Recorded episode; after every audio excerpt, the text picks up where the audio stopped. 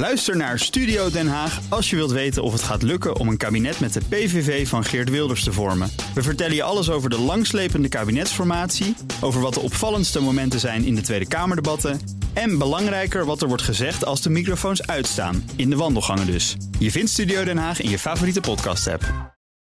De column van Marianne Zwagerman. De mededingingswet lijkt niet te werken voor de mediasector, stelde SP-Kamerlid Peter Quint gisteren vast in het mediadebat in de Tweede Kamer. Drie maanden geleden brak zelfs de Friese verdedigingslinie. Ook de kranten in Noord-Nederland vielen in handen van de Belgen die onze mediamarkt leegroven. De ACM liet het weer gebeuren, nadat ze ook al de onbegrijpelijke goedkeuring gaven voor de overname van Sanoma door het Belgische DPG. Nu.nl, Libelle, Donald Duck, het kon er allemaal nog wel bij in hun volgepropte buidel met Nederlandse titels, vond de mededingingsautoriteit. Alsof het AD, de Volkskrant, Trouw, het Parool en Q-Music nog niet genoeg waren. Minister Slop zei dat hij er een ongemakkelijk gevoel aan overhoudt. Dat onze wetgeving misschien toch wat te ruim was. Hij gaat eens op een rijtje zetten wat voor mogelijkheden er nog zijn om iets van de Nederlandse mediasector te redden.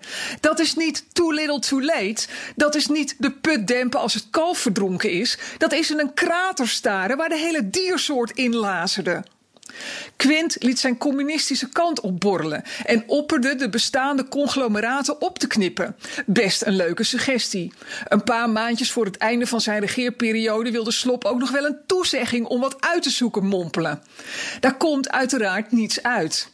De ChristenUnie liet de proefballon op dat Slop misschien de BTW op kranten kan afschaffen of een subsidie op de verspreiding van kranten kan geven, net zoals in België. Een debiel voorstel. Dat zou een cadeautje van tientallen euro's betekenen voor de Belgen. Belgen die door de rechter gedwongen moesten worden de karige beloning voor freelance journalisten te verhogen. DPG-CEO Erik Rodderhoff moest laatst op deze zender toegeven dat ze zo groot geworden zijn dat ze misschien toch eens naar de contracten met de freelancers moeten kijken. Kon je voorheen misschien aan wel drie kranten een stukje verkopen, nu mag je één keer een factuur sturen en duikt je artikel door het hele land op. Daar zit ook meteen de oplossing waar Slop en Quint in moeten duiken. Vergeet die kranten. Ga met de nieuwsmakers praten. Wat hebben zij nodig om zelf hun publiek aan te boren? Technisch kan alles. Hoe kan de overheid daar nog iets in faciliteren? Bijvoorbeeld in een fonds voor onderzoek of bescherming tegen juridische claims. Vergeet het kalf. Fok een nieuwe diersoort. Ook Harm Edens vind je in de BNR-app. Je kunt BNR Duurzaam niet alleen live luisteren in de app, maar ook terugluisteren als podcast, zoals al onze podcasts.